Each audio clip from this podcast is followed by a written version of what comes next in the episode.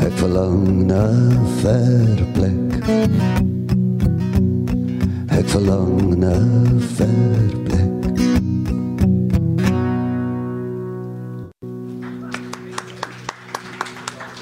is hier op RSG Koos van der Merwe wat vir ons sing ver plek en hy vat ons so op reis juis ook met sy musiek en is lekker om hom hier te verwelkom. Die bundel is nou nog nie in sy hand vir hom gesit nie, maar ons hoop nog steeds voor die einde van 360 gaan dit dan hê. En die heerlike gevoel natuurlik om 'n splinternuwe boek wat jy baie hard aangeskaaf het in die hand te hê. Baie welkom aan jou Koos, is lekker om jou hier te hê by die Woordfees. Is dit so lekker om hier te wees? Lekker. Nou maar nog 'n bundel, vertel vir ons van hierdie een en die fokus van jou nuwe bundel wat jy vrystel. Martelies, hy het vele fokusse, maar die een fokus is op al die soet en suur van die lewe. Die ander een is op die liefde en in die ander een is daar op baie geloofsreis.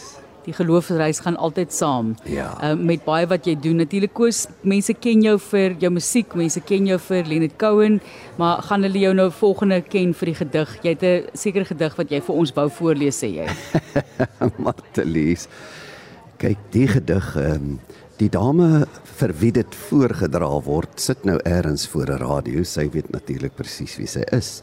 Sy bly daar in my huis en ek het haar die dag gesien aan die slaapraak so op 'n op so 'n reistool in die kamer en die son skyn op haar. En as jy 'n digter is, kan selfs 'n vlieg jou inspireer om te dig. En die dag het die vlieg die kamer ingekom na die slapende op die reistool. En dit het my geïnspireer om hierdie te skryf. Vlieg. Toe 'n vlieg in die lui middag son kom land waar jy sluimerend lê en mooi lyk.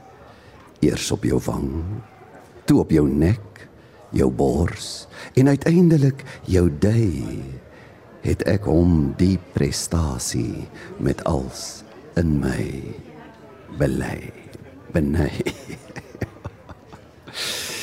Ja, nou van 'n vliegse perspektief, jy weet, so nou ja, sien jy het seker gedroom jy's 'n vlieg vir 'n oomblik. Absoluut.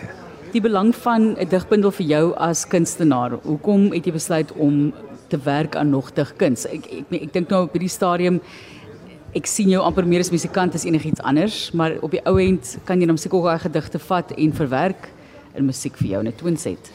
Ja, dit loop so saam, eh, Martelies, maar jy weet woorde. Ehm um, 'n mens moet dit uitbring. Eerens uh veral so elke paar jaar dan voel ek dis tyd, dis tyd om om dinge te sê, om dit neer te pen en ehm um, vandat ek 'n kind is, was dit so, ek moet gedigte skryf. Ja, amper soos 'n dagboek. Ja, dit dagboek in 'n sinne mense lewe of nie jou eie lewe nie, is nie altyd autobiografies nie. Dis net deur hierdie oë en deur hierdie woorde kyk 'n ou na die lewe.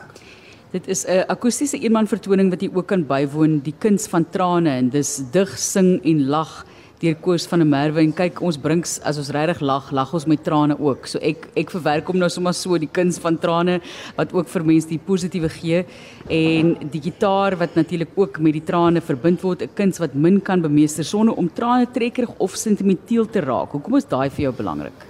Mense is dan so lief vir hulle sentiment koos jong. Nee, ek bedoel nou eintlik daai daai daai sentimentele tipe trane trekkers waar jy voel, ooh, ek wil nou nie in die vertrek wees nie. Ek kry skaam namens die persoon wat nou daai daai ding doen. Uh, daar is sentiment, maar ek dink om met trane so om te gaan dat trane is eintlik soms oor mooi dinge. Ja. Dis oor hartseer dinge, dis oor groot dinge, dis oor jy weet ek is nou 'n oupa. As ek daai tweelingkie sien in hulle klein boetiekie en die tweeling word 4 nou hierdie week en die seentjie is 1 jaar oud. Dis die kuns van trane. As jy daar nie hartseer raak en bly saam nie, dan dan het jy nie daai kuns nie.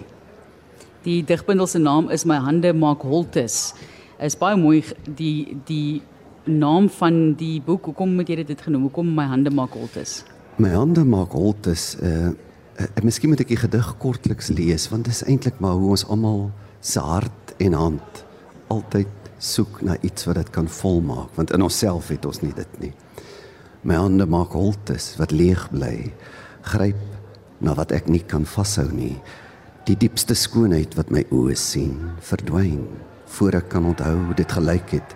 My voete loop, dis my aard, ek stuur myself soekende sonder om te weet waarna. Ek verlang na wat ek verloor het, maar wonder wat dit was en of ek dit ooit gehad het.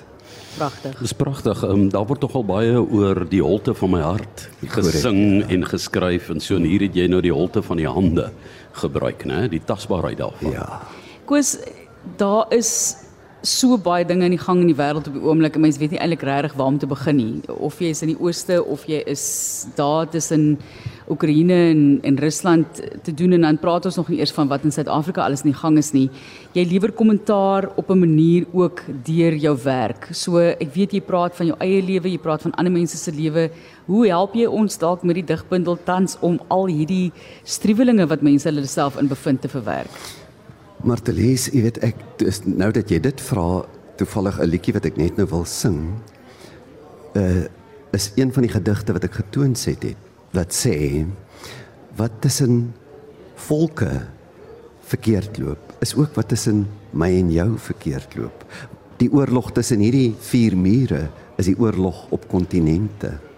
Uh iemand wat eers 'n boom vol perskes het wat maar net val en vrot word, iemand anders gaan dood eers van die honger. Ja. So dit wat tussen my en nog een ander mens verkeerd loop is eintlik wat met die hele mensdom verkeerd loop.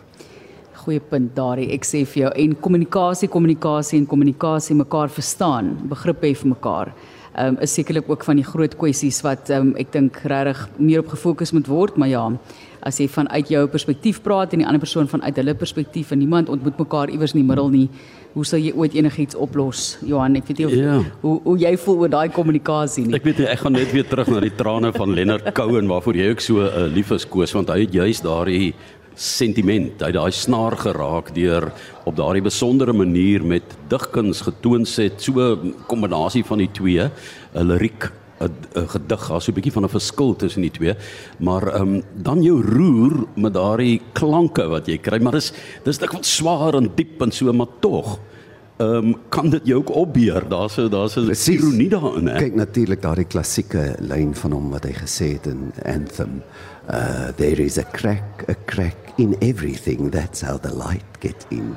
Gets in. Dis hoe ons met ons trane en ons stikkindheid omgaan wat ons help om Ja. ligter te wees.